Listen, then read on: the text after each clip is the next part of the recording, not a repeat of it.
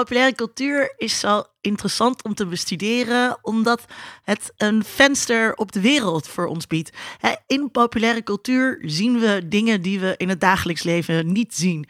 Een van die dingen voor mij is het uh, platteland, het boerenleven. Ik woon midden in de stad. Ik kom wel eens buiten de stad. Ik kom heus wel eens buiten de ring. Um, maar ja, ik heb een, eigenlijk helemaal niet echt een beeld van uh, het leven op het platteland. En het beeld dat ik heb is heel erg gekleurd door, door mijn jeugd en wat ik toen, uh, wat ik toen zag. Nou, het mooie dus aan ons vakgebied is dat er dan dus ook mensen zijn die dat soort representaties uh, onderzoeken. Een van die mensen is uh, Esther Peren en zij doet onderzoek naar de verbeelding van het platteland. Ik wens jullie heel erg veel plezier met deze aflevering. Deze podcast wordt mede mogelijk gemaakt door Code Clear. Duidelijk over websites en design. Vanuit Amsterdam is dit Onder Media Doctoren, de podcast waarin communicatiewetenschappers zich verwonderen over de media. De gast is Esther Peren, hoogleraar Cultural Analysis en academisch directeur van het Amsterdam School for Cultural Analysis, de, ASCA. Esther, je onderzoek richt zich op vraagstukken over marginalisering en handelsvrijheid, op de onderbelichte invloed van globalisering op het platteland en op de veranderende relatie tussen centrum en periferie. En je leidt het project Imagining the Role in the Globalized World, in the Globalizing World, over de cruciale rol die culturele verbeelding van het platteland in literatuur, film en televisie spelen in het wel of niet zichtbaar maken van bepaalde aspecten van het hedendaagse plattelandsleven, hetgeen invloed heeft op hoe het platteland politiek gemobiliseerd kan worden. En je maakt daarbij vergelijkingen met verschillende landen.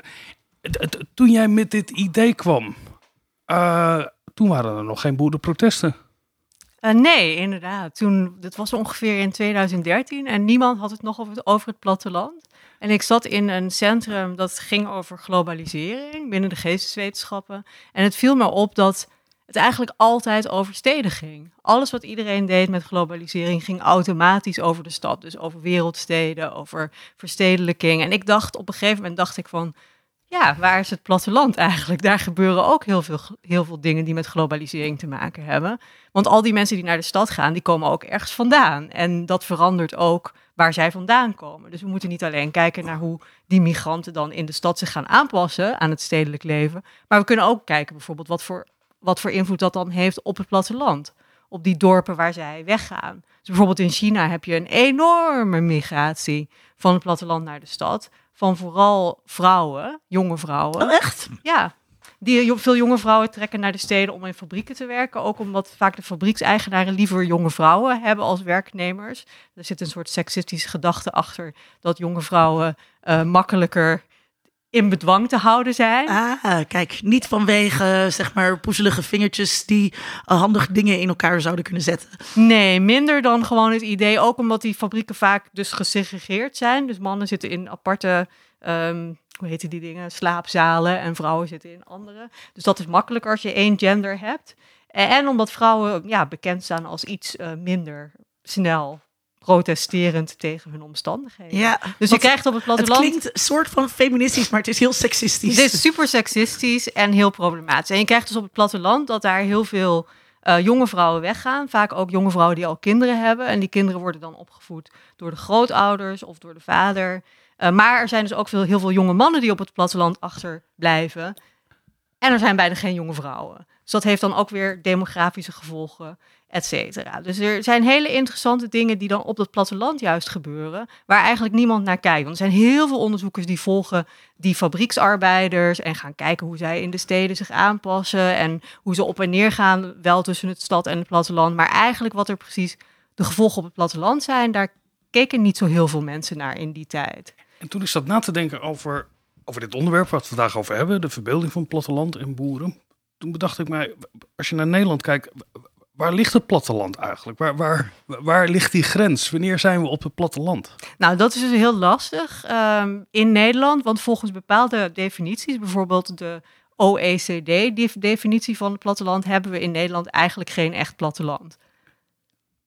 Wat hebben Want dat heeft te maken met bevolkingsdichtheid. Ja. En als je, als je die dus, bepaalde landen hebben definities van het platteland waar de bevolkingsdichtheid vrij, nog, vrij, nog steeds vrij groot is. Of vrij klein is, nu ben ik in de war. Uh, maar waar dus, waar dus je nog met, als je nog best wel veel mensen hebt wonen, dan ben je geen platteland. En in Nederland zijn dus bepaalde dorpen, die, waar wij in Nederland over denken als plattelandsdorpen, zijn volgens de officiële definitie op Europees en internationaal niveau geen platteland. Maar wij hebben natuurlijk onze eigen definitie in Nederland, dus wij hebben wel platteland. Linda, uh, maar zoals, wanneer, wanneer, jij, wanneer, nee, nee, hoe tel je, hoe tel, hoe tel- wanneer, wanneer tellen wij het dan als platteland? Ja, dat weet ik niet precies. Dan moeten we altijd even van tevoren moeten opzoeken. Ah, oké. Maar in principe, ja, in principe gaat ons onderzoek ook niet zozeer over, nou, wat is nou precies die grens? Maar eigenlijk meer over waar zien wij die grens in onze verbeelding? Waar denken wij ineens als we in de trein zitten, nu ben ik in het platteland? Als we wat uit het raam zien. Ja, ik, nee, ik, ik, zat daar vanmiddag over na te denken. En ik kwam eigenlijk niet heel veel verder dan alles wat het niet is.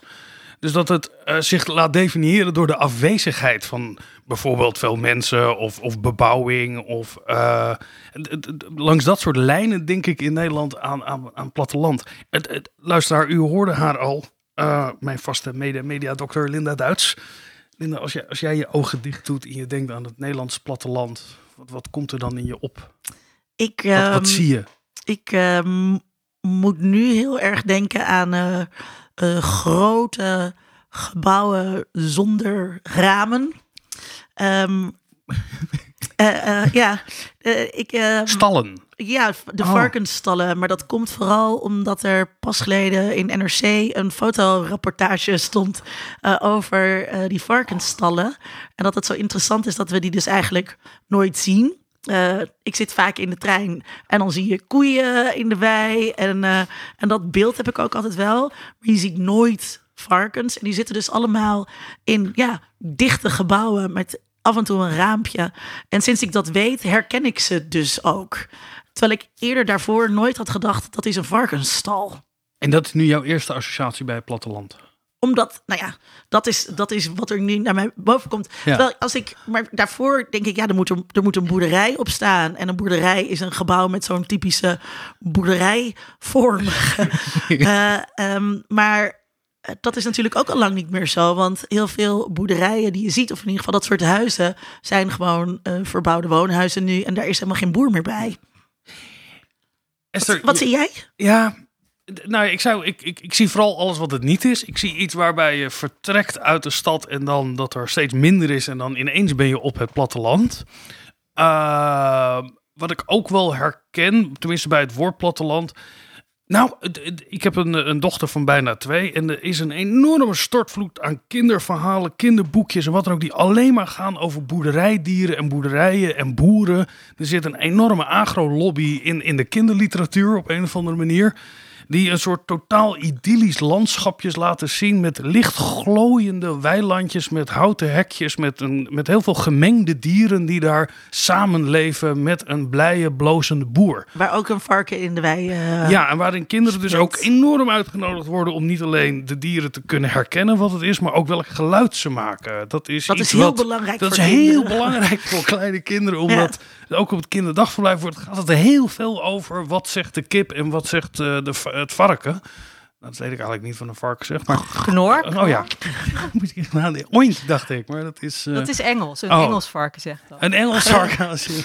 Maar het, het, het- dus dat is het beeld, het soort het idyllisch beeld, gaan we het uitgebreid over hebben. Dat herken ik nu ook wel als platteland. Eh, Dus de representatie uit kinderboeken. dat is wel wat nu het eerst in mij opkomt, Ja. omdat ik dan dat soort boekjes moet lezen en het mij opvalt dat ik dat landschap nog nooit in het echt heb gezien. Ja, en, dat me- is... Ja, en me dat is- afvraag waarom mijn kind in godsnaam zou moeten weten eh, wat al deze dieren zeggen. Want ik heb in de afgelopen maanden, zo niet jaren, geen varken van dichtbij gezien. Nee, want die zitten dus allemaal in die, in die dichte gebouwen. Ja, ik moet dus wel zeggen, ehm, eh, ik ben opgegroeid in Zeist, wat niet per se plattelandsregio is. Maar daar in de buurt is wel eh, vrij veel eh, platteland. En ik had van die fietsouders en dan moesten we altijd fietsen. En dan gingen we altijd langs de boerenweggetjes met kersenkramen, waar je aardappels kon bestellen en Ja. dat soort dingen. Dus ik, ik heb wel een beeld. dat is ook wel een beetje mijn beeld van het platteland wat is blijven hangen.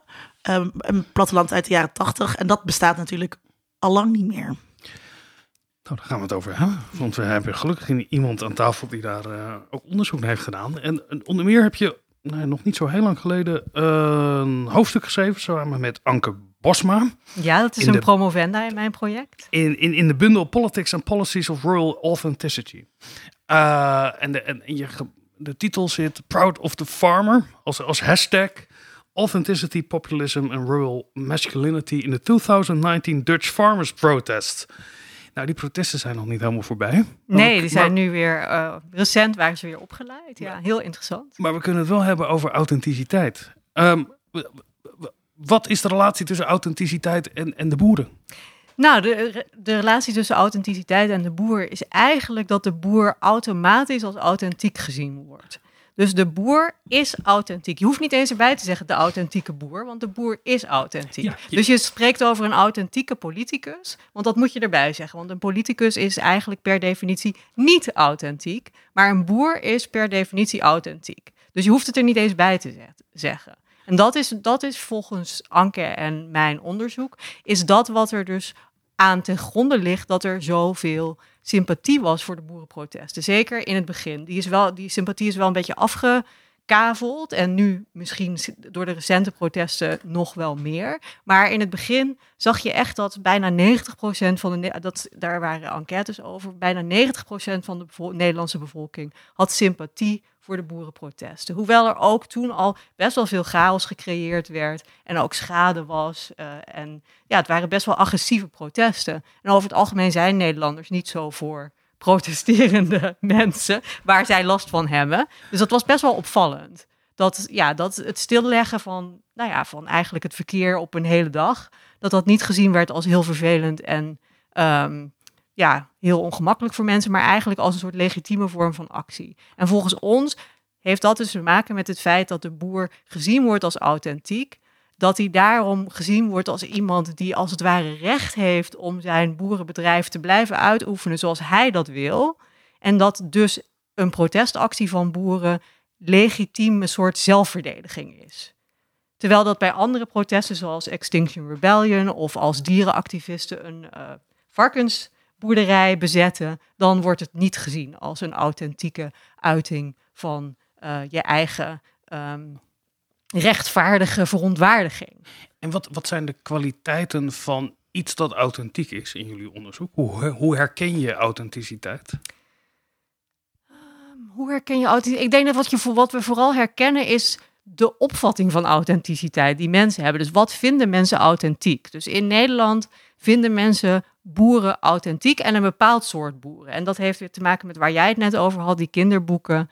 Uh, een bepaald soort boer, dus een familieboer die in zijn eentje een boerderij runt met misschien een boerin en misschien wat kindertjes erbij, maar niet met migrantenarbeiders die de oogst werkelijk binnenhalen, niet met digitale computers, et cetera.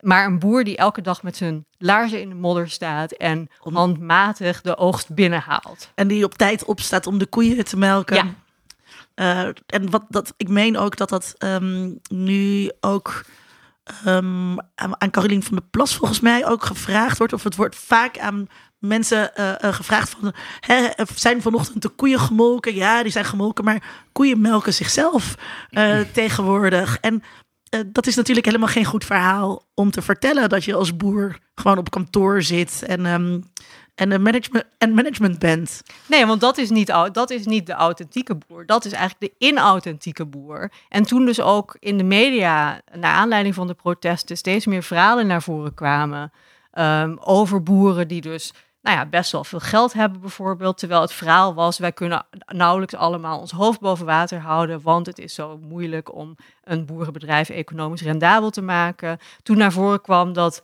die hele slogan van no farmers, no food, dat het helemaal niet zo is dat Nederland gaat verhongeren als de boeren niet kunnen produceren, want meer dan 60% gaat, naar, gaat direct naar het buitenland. Toen zag je dus dat de, dat de steun ook begon minder begon te worden. En dat heeft dus te maken met het feit dat die boeren werden aan het begin echt automatisch gezien als authentiek en daarom als een soort verhaalhebbend wat voor waar aangenomen werd. Ook omdat het in lijn is met die kinderboeken en met televisieprogramma's. En ten dele ook met onze eigen nostalgische herinneringen. Mijn, mijn uh, opa en oma hadden een boerderij. En het was inderdaad een klei, echt een kleine boerderij. Met een paar koeien, een paar varkens, een paar kipjes en een beetje Um, ik weet niet wat ze verbouwden, maar een soort, ook een soort tarwe of zo. Maar dat, dat soort bedrijven die bestaan nog wel, maar dat is echt een zo klein percentage nu van de Nederlandse landbouw. En ook in de jaren tachtig was ook de, de schaalvergroting al enorm gevorderd. Maar toen ook zag je die boerderijen niet. Het is veel moeilijker om toegang te krijgen tot een megaboerderij met duizend uh, koeien of met tienduizenden uh, kippetjes, dan om toegang te krijgen tot een van die boerderijen waar men biologisch boert. Want dat zijn de boerderijen die ook gediversificeerd zijn in toerisme. En waar je dus kunt logeren en waar je dan als gezin zo gezellig ook de schapen kan voeren, et cetera. Dus als jij jouw kinderen daarmee naar zo'n boerderij meeneemt, dan bevestigt het eigenlijk het beeld wat zij in die boekjes hebben geleerd. Dus de, ja, de heel Amsterdam zit er vol mee, hè, met dit soort boerderijtjes. Ja, maar, je dan maar dus de, de, uh, de biologische boer, de goede boer, zeg maar, die houdt het beeld in stand dat eigenlijk ten faveur is uh, van die uh, grote schaalboeren. Ja, nou, ik zou zeggen eigenlijk de grote schaalboeren parasiteren eigenlijk op die organische boeren. Omdat zij doen alsof dat ook is wat zij doen. Terwijl wat zij doen echt enorm grootschalig is, enorm gedigitaliseerd, geïndustrialiseerd, gemechaniseerd dat heeft er helemaal niets, mee, niets meer mee te maken. Ik bedoel, als je gaat kijken hoeveel varkens en hoeveel kippen en hoeveel um, andere dieren er in de afgelopen twintig jaar bijgekomen zijn in Nederland. Dus dat is echt schokkend. En die, die dieren zitten echt allemaal ergens, maar wij zien ze niet. Vaak ruik je ze wel. Dat is misschien nog de beste. Dat is toen jij vroeg van wanneer weet je dat je in het platteland bent. Je ruikt dacht ik, je ruikt het. Ja, ik kom er dus nooit. Maar de, de, de, ik, ik zat te denken aan de authenticiteit Um, heeft het ook die authenticiteit te maken met het grondgebonden uh, werk? Uh, ja, dus er is een soort idee dat als je met aarde werkt, dat je dan als het ware iets doet wat echter is dan als je met computers werkt. Of als is het ook de, uh, de eenvoud of het ongeschoolde of het, het, het regionale accent dat iemand spreekt? Dus dat, dat het een in tegenstelling is tot cultivatie, om maar dichter bij de natuur, bij de elementen, uh, één met de, uh, ik, ik, wil bijna bloed en bodem zeggen. Maar het is, uh, ja, maar het is geen natuur. en dat is denk ik het andere interessant. Dus het plattelandscheid is eigenlijk relationeel gedefinieerd aan de ene kant tegen de stad, maar aan de andere kant ook tegen de wildernis. Natuurlijk, dus het ja. is geen natuur. Het is nee. gecultiveerde natuur. Dus het heeft te maken met een soort controle ook van de mens over het landschap. En dat is een idee wat ook te maken heeft met kolonialisme, et cetera. Dus dat is echt iets wat. Het is niet hetzelfde als de verheerlijking van de natuur en van de mens die één is met de natuur. Want een boer is niet zozeer één met de natuur het, als hij controleert ja, de natuur. Ja, en, en is die boer zo ongeschoold als, uh, als wat Vincent zei? Nou ja, ook inmiddels al lang niet meer. Want je moet als boer tegenwoordig al die tractoren, die zijn allemaal digitaal. Dus dat is helemaal niet zo. Dat wordt allemaal ingeprogrammeerd tot ze op de millimeter um, kunnen zaaien en zo. En dat ze precies weten. Ze hebben ook allemaal apps waar je dan precies kunt zien welk stukje van jouw grond, hoeveel water dat gekregen heeft. En dat je dan kan berekenen wat je daar dan wel en niet moet eh, zaaien en wanneer je het moet oogsten en zo. Dus het is echt enorm gedigitaliseerd, die sector. Niemand praat daar ook over drones. Iedereen, iedereen doet onderzoek naar drones in de oorlogsvoering. Niemand doet onderzoek naar drones in de in de landbouw. In Amerika, omdat je daar natuurlijk nog veel grotere boerderijen hebt, worden drones het meest gebruikt in in de landbouw. Door boeren. Ja, dat heb ik wel eens gehoord. Dat de grondmetingen en dat echt uh, computermodellen. En daar moet je wel, daar moet je best wel maar, bedoel, voor geschoold voor zijn. Maar waarom denk je dat de, digitalisering en technologie en, en opleiding in tegenstelling staat tot oprechtheid? Of, of het authentieke, het, het, de, de oermens die uh, het land bewerkt. Waarom, waar komt deze tegenstelling vandaan? Ja, ik denk toch uit een soort verlangen naar een mythisch verleden waarin alles simpeler was en waarin alles homogener was en waarin je precies wist waar je aan toe was, want je leven was eigenlijk een beetje hetzelfde als het leven van je ouders.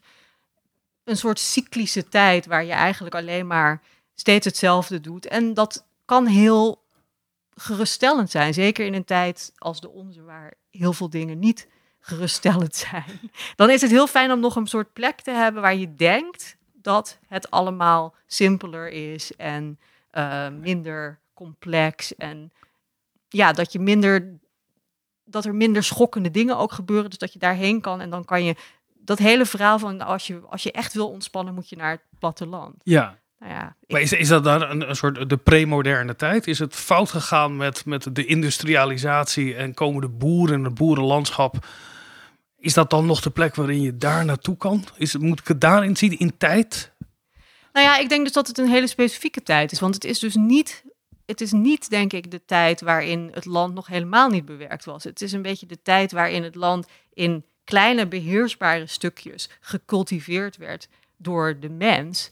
En een, dus ook een soort idee van dat de mens de controle heeft. Ik denk Ja. dat, dat dat vooral heel sterk is. En daarom, daarom heeft het ook te maken met de opkomst van het nationalisme. Dus in de tijd dat in Europese landen nation- nationalisme opkwam, werden juist die plattelandsgebieden en de accenten die mensen daar, daar spraken, de verhalen die mensen daar vertelden, die werden juist omhoog gehouden als dit is onze nationale identiteit. Dus die nationale identiteit, ook al was het de tijd van industrialisatie, die werd eigenlijk gegrond in de plattelandsbewoners. Maar, maar waarom dan? Je moet hem even, je gaat, je gaat snel, want wat is dan, wat maakt dan dat dat idee van de mens heeft de controle? Wa- wat is dan de connectie met nationalisme? Nou, ik denk dat in de tijd dat het nationalisme opkwam, was er, een, was er ook natuurlijk de noodzaak om je eigen natie te gaan afscheiden van andere, te gaan onderscheiden van andere naties. En hoe kon je dat doen? Niet, zo, niet heel makkelijk door, ja, door te gaan wijzen naar de steden, want die waren eigenlijk allemaal een beetje hetzelfde aan het worden overal al. Ook al in de, in de 18e en 19e eeuw. Maar juist door terug te gaan naar, oké, dit, zijn, dit zijn onze volksverhalen. Dit zijn de Duitse volksverhalen. Dit zijn de Franse volksverhalen. Dit zijn de Nederlandse volksverhalen. Daardoor kon je een bepaalde eh, gronding van jouw nationale identiteit. En dan ook weer met een soort band aan de letterlijke aarde van jouw land. En dan hebben we het over eh, begin, midden 19e eeuw, als ik hem even Ja. zou moeten, waarin we onze naat, de, de geschiedenissen van onze natiestaten beginnen te schrijven, vaak met terugwerkende kracht. Ja, Eh, en dat is ook het moment wat jij traceert in. Dat is het moment dat we genoeg het land kunnen cultiveren over de woestenij. Zonder dat het nog eh, op het punt waar we nu zijn, zeg maar. Dus ja en het was ook het hoogtepunt van de kolonia- Ja. kolo- kolonialisatie. kolonisatie. Ik kan het woord ook niet Ja, uitspreken. ik weet nooit hoe het, hoeveel, hoeveel Ja, ja, lettergrepen het in het. Nederlands heeft. Het was ook het hoogtepunt van de kolonisatie, waar je dus precies datzelfde fenomeen weer hebt. Van je gaat ergens heen en je moet dat dan beheersen. En op het moment dat je het dan beheerst hebt, dan ga je verhalen creëren van waarom jij daar eigenlijk altijd het recht hebt gehad om dat daar te zijn en dat daar te beheersen. En ja, dat is dus een bepaald mechanisme waarin je jezelf gaat ingraven, als het ware, in de aarde met dit soort verhalen. En uiteindelijk is het natuurlijk allemaal een beetje willekeurig. ja, Want uiteindelijk hadden de nationale grenzen in Europa veel heel anders kunnen, lo- kunnen lopen. En maar heel materieel. Het ja, eh, heel, het, lijkt, heel het tastbaar. lijkt heel Eh, tastbaar. En dat dan- is denk ik de aantrekkingskracht. En blijft ook de aantrekkingskracht voor mensen. En daarom kunnen boeren heel makkelijk ook dingen zeggen als van... nou ja, ik, ik zit in de grond in Nederland. Ik weet, ik ken het land. Daarom mag ik bepalen wat ik met dat land doe. Ik ben de beste persoon om daar iets over te zeggen. En dan krijg je dus ook dingen als eh, Frankrijk is een land van wijn en eh, kaas. Ja, Ja, omdat dat, de dingen, producten ja. waren die daar eh, altijd al gemaakt werden. Ja, en altijd al is natuurlijk altijd een soort Ja. rekbaar begrip, want dat wordt dan gezegd. En als je dan echt onderzoek gaat doen, dan blijkt helemaal niet dat dat altijd al was. Of dat je bijvoorbeeld, wij hebben bijvoorbeeld, ik heb met Anke ook een stukje geschreven in een boek dat komt uit, het gaat over eh stereotype ideeën van Nederland. En we hebben een stukje geschreven over kaas en specifiek over Beemsterkaas. En daar hangt zo'n heel narratief omheen van dat, dat, dat daar altijd al kaas gemaakt werd en dat het allemaal nog op traditionele manier gebeurt. En dat als je dat daar naar gaat kijken, dan kun je dat helemaal ontrafelen. Want Dus ook die koeien komen uit, de koeien, die zwart-witte koeien waarvan wij denken Ja. dat zijn echte Nederlandse koeien, die komen oorspronkelijk dus niet uit Nederland. Die komen ergens anders vandaan. Ja, nee, dit- dit- dit- ik snap heel erg dat als je alles gaat traceren, eh, net als de aardappel en de tulp, Ja, eh, dat het ja, dat helemaal precies. eh, in, in deze kleidelta sowieso niet zo heel veel is voortgekomen. Maar het gaat dus niet over, de, de boeren gaan in eerste instantie over een soort authentiek mens zijn. Maar je zou ook kunnen zeggen, op basis van wat jij zegt, dat, dat het eh, het echte Nederlanderschap. Ja. Zoals ook de echte Duitser of de echte Amerikaan, de cowboy, eh, eh, is natuurlijk ook altijd vaak verbonden met dit soort agrarische arbeid. Eh, In de zomer is hij boer en in de winter eh, schaatst hij in Friesland ja, en eh, rijdt hij de Elfstedentocht. ja, maar het, wat, wat mij het, het, het ge- nou, ja, ik, het is zo moeilijk om niet in soort generalisaties, maar ook dat die authenticiteit vaak gepaard gaat met eh, een, een, een, eenzelfde set van waarden. De familie, eh, de gemeenschap, eh, de vlag.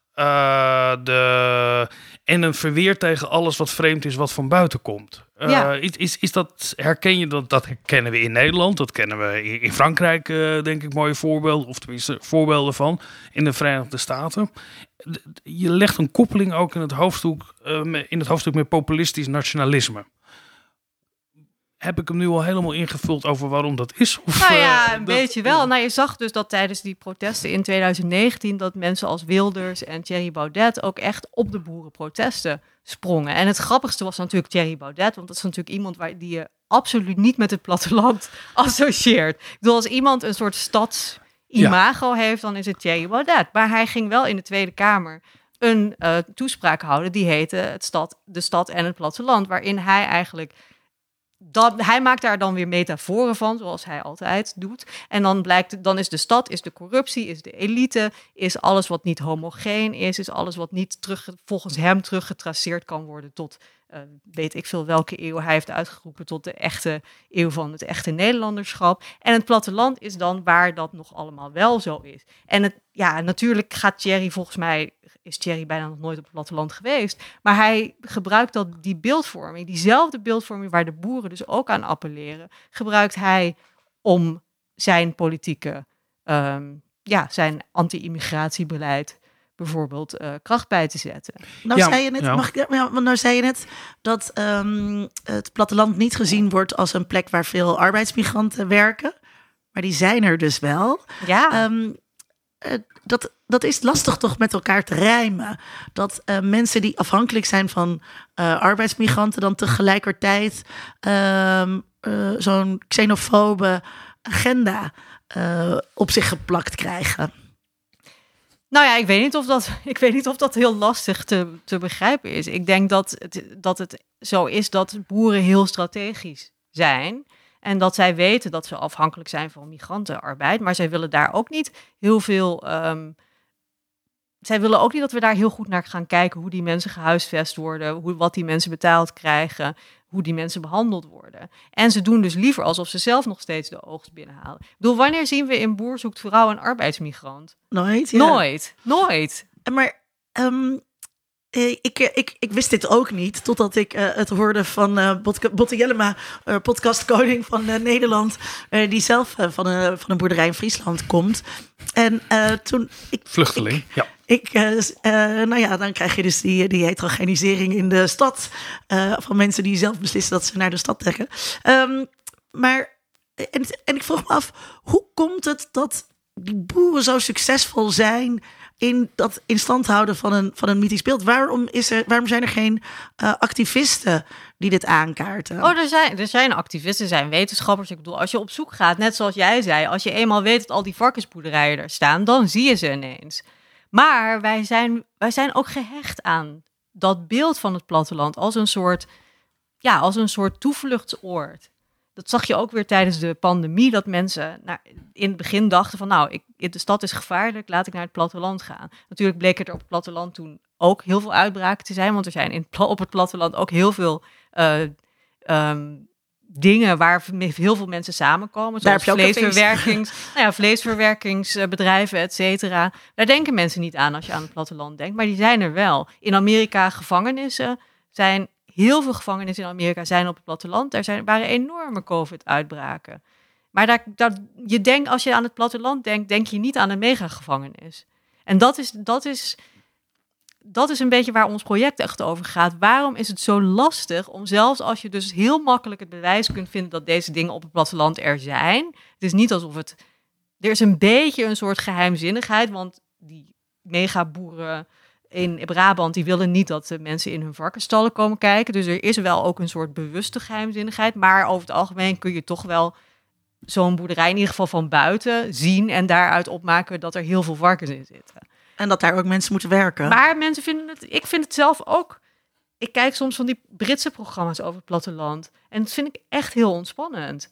Dan zie je van die lammetjes geboren worden en dan denk je van, oh, ach. En dan hebben ze natuurlijk allemaal van die boerderijen waar, waar de schapen gewoon in de wei lopen en waar de varkens, zelfs de varkens niet in een varkenstal zitten. En dan denk je, oh ja, dat, ik word daar ook wel een beetje rustig van. Dan Ja. denk ik van, nou ja. En het is allemaal heel voorspelbaar, want zelfs als er dan iets fout dreigt te gaan met het lammetje, dan wordt het toch door de veearts of door de boer toch weer eruit getrokken. En als het, niet, als het fout gaat en er sterft er eentje, dan zijn er nog tien andere. Dus het is allemaal heel geruststellend. En ik vind, ben daar zelf ook gevoelig voor. Laat de journalistiek daar niet ook steken eh, liggen. Ik moet bijvoorbeeld, ik, eh, ik eh, schrijf zel- zelf veel over sekswerk. Ehm, en ehm, eh, dan komt er weer een eh, rapportage van de rapporteur mensenhandel. En dat gaat altijd over sekswerkers. En dan ergens in een zinnetje in dat rapport staat dat het ook arbeidsmigranten in de landbouw en in de kassen betreft. Ehm, maar altijd hoe dat opgepakt wordt, elke keer weer hetzelfde. Is dat al die journalisten dan weer allemaal gaan schrijven over de wallen. eh, en niemand eh, dit navolging doet geven. Ja, ik, ik denk dat er weinig interesse is in het platteland. En ik denk echt dat daarachter zit dat heel veel mensen willen dit soort dingen niet echt graag horen. Dus je hebt nu in Engeland bijvoorbeeld is nu een hele sterke beweging om dus meer aandacht te gaan besteden aan hoe de geschiedenis van het kolonialisme ook op het platteland zichtbaar is en merkbaar is. Dus de National Trust, dat is een hele grote organisatie die allerlei van die landhuizen ehm, beheert, waar mensen heen gaan en dan de tuin gaan bekijken en het landhuis, et cetera. Nou, die hebben nu dus onderzoek laten doen. En nu, als je dus zo'n rondleiding door zo'n huis krijgt, krijg je ook te horen dat het geld voor het bouwen van dit huis, dat dat van een plantage kwam in Jamaica, waar slaven gehouden werden. Nou, en mensen zijn daar, heel veel mensen in, op die rondleidingen willen dat helemaal niet weten. Vinden dat niet fijne informatie. Ik was een keer in Amerika bij Monticello. Dat is, de, dat is het huis van eh, Jefferson. Nou, daar werd, word je dan rondgeleid en dan zie je de slaven, waar, waar de slaven woonden. En dat is allemaal heel confronterend. Maar de, de persoon die daar de rondleidingen deed, zei dat sommige mensen echt weglopen uit de rondleiding. Omdat ze willen een romantisch verhaal horen over Jefferson. En ze willen niet horen hoe hij zijn tot slaaf gemaakte mensen verkrachtte en daar kinderen mee kreeg. En toen zelfs nog weigerde die kinderen in vrijheid te, te stellen. Dus het is, mensen, zei, mensen willen het niet weten. En dat heb je in Nederland, nou ja, in Nederland merk je dat ook, die weerstand tegen het, het erkennen van het koloniale verleden. En dat is dus in, op het platteland is dat dan nog drie keer sterker dan in de stad. Dus het is al lastig om in Amsterdam aandacht te krijgen voor het feit dat wij de hele tijd door een soort koloniaal landschap lopen. Maar het is nog moeilijker om mensen zich te laten beseffen dat er dus ook in andere delen van Nederland, in plattelandsdelen van Nederland, dat daar ook tekenen zijn van het koloniale verleden. En dat we daar dan ook over moeten hebben en niet alleen maar over, nou ja, kom met je gezin naar een B&B en dat is dan een leuke boerderij en dan kun je lekker lammetjes voeren. Maar zie je ook een, een positief belang ervan in om deze romantische verhalen over authenticiteit in stand te houden? Nou ja, ik, ik weet het niet. Ik, denk- ik denk dat het positieve effect Laat ik een poging doen. is op individueel niveau. Op individueel niveau kan het een positief effect hebben dat mensen zich op een vakantie in het platteland heel erg fijn voelen en dat ze dan het gevoel hebben dat ze niet over complexe dingen hoeven na te denken. Dat is op individueel niveau misschien fijn, maar op structureel sociaal niveau vind, vind ik het problematisch. En ja, dat, dat, dat het problematisch is, hebben we vastgesteld. Op heel veel manieren.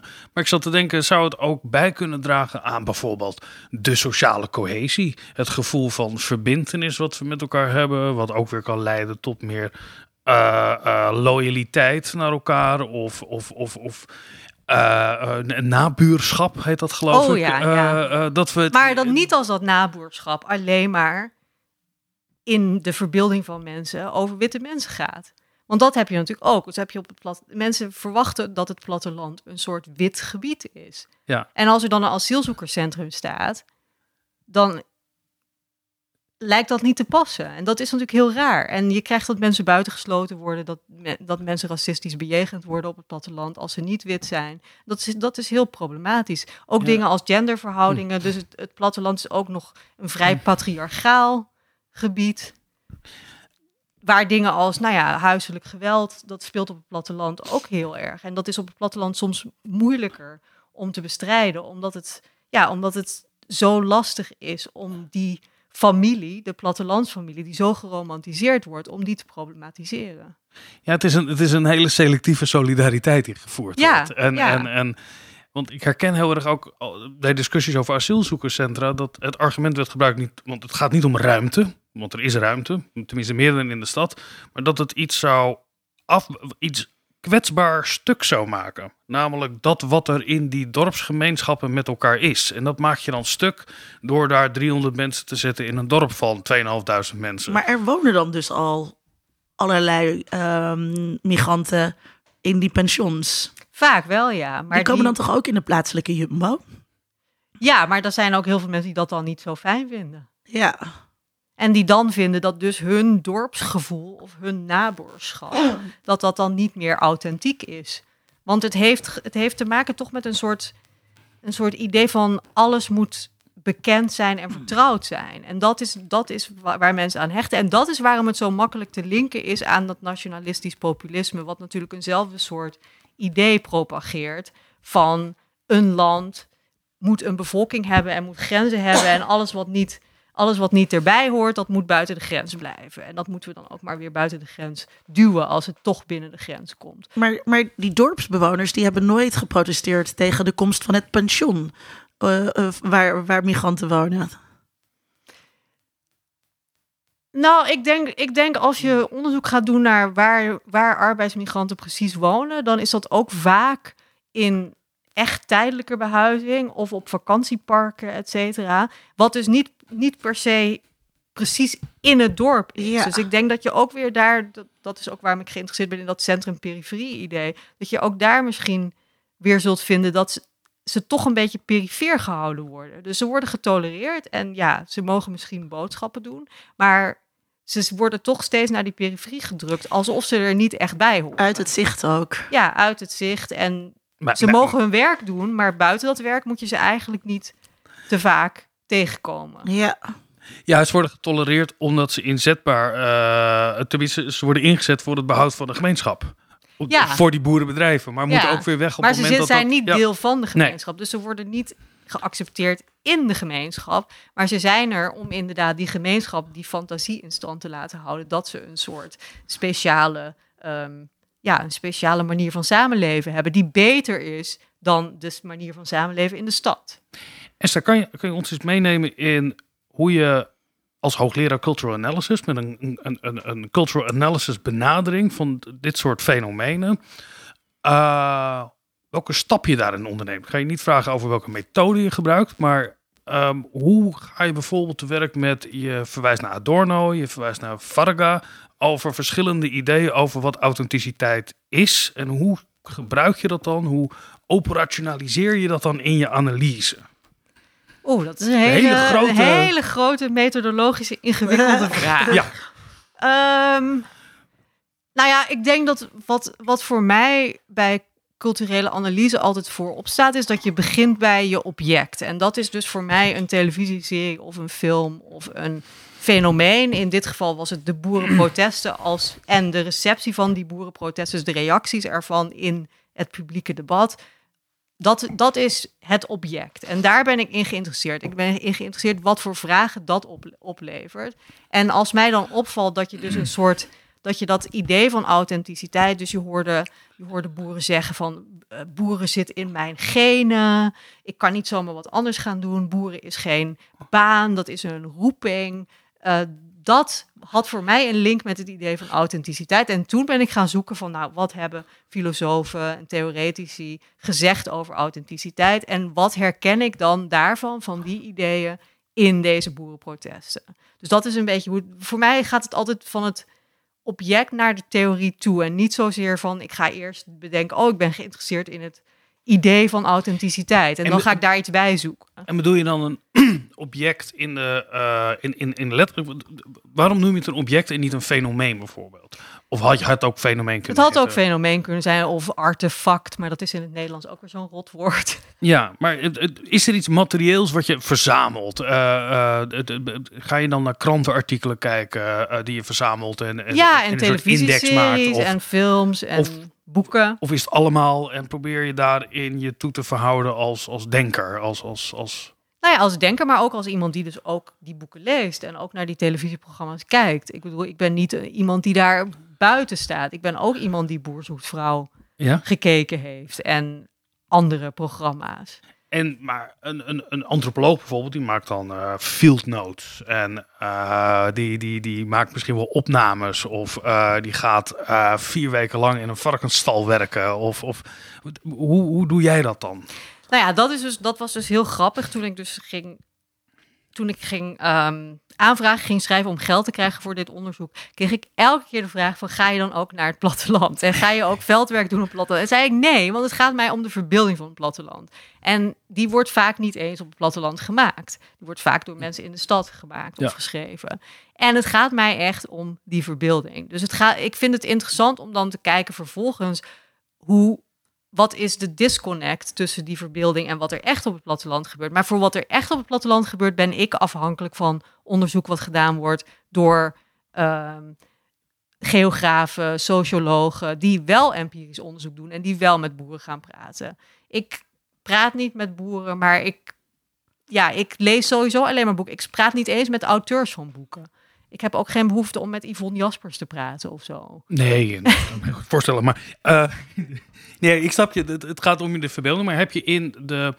Is er zoiets als het, het vaststellen van een corpus in, in, Ja. in jouw onderzoek? Ja, en dat, daar doen wij altijd een beetje smokkelen. Want uiteindelijk ja, is dat niet een soort wetenschappelijke manier van vaststellen. Dus ik heb niet kwantitatief onderzoek gedaan naar wat, welk programma in Nederland wordt het beste bekeken. Ik bedoel, Boer zoekt vrouw was een, ja, was een beetje een obvious keuze. Want dat is dus een van de best bekeken programma's in Nederland. Dus als je daar niet naar gaat kijken als je geïnteresseerd bent in de verbeelding van het platteland op televisie, zou wel Ja. heel raar zijn. Maar ik ga niet heel precies onderzoek doen naar welke roman eh, wordt, is meer, meer verkocht dan welke andere roman. Ik lees een beetje rond en dan denk ik, oh, deze roman vind ik nou een soort interessante beeld geven, wat ook representatief is voor andere romans die ik heb gelezen, maar waar ook op een soort individueel gebied, als je dat echt nauwkeurig gaat analyseren, iets interessants uitkomt. En wat zit er dan in je corpus naast vrouw? Nou ja, in mijn corpus niet zo heel veel op het moment. Kijk, ik heb, ik heb natuurlijk een team. ja. Dus ik heb drie promovendi en ik heb twee postdocs. En Ja, zij... jullie zijn alle één, hè? Dat jullie doen het met elkaar. Ja. ja. Nee, maar ik heb, ik heb persoonlijk dus gekeken naar Boer zoekt vrouw bijvoorbeeld. Ik heb met een, met een student van mij heb ik een stuk geschreven. Dat is- Dat is nu wel grappig, omdat het, het gaat over ehm, het, het blad Country Life. Dat is een, een bekend blad in Engeland. Ja. Dat gaat over het platteland. En zij hadden een special issue geëdit door Prins Charles. Toen nog Prins Charles, nu koning Charles. En dat was dus ook heel interessant om te kijken, omdat hij het, hij zette het echt in als, oké, ik ga nu laten zien wat er allemaal op het platteland leeft en ik ga naar een soort duurzame ehm, visie op het platteland. En als je dan goed kijkt wat er in dat nummer is, is het allemaal heel ouderwets, super conservatief en helemaal niet, ehm, helemaal niet breed in de zin van wat hij van het platteland laat zien. En dat, ja, dat soort dingen vind ik, dan, vind ik dan interessant. Want heel veel mensen lezen dat blad. En nog veel meer mensen kopen het als Prins Charles het ge- gegest edit heeft.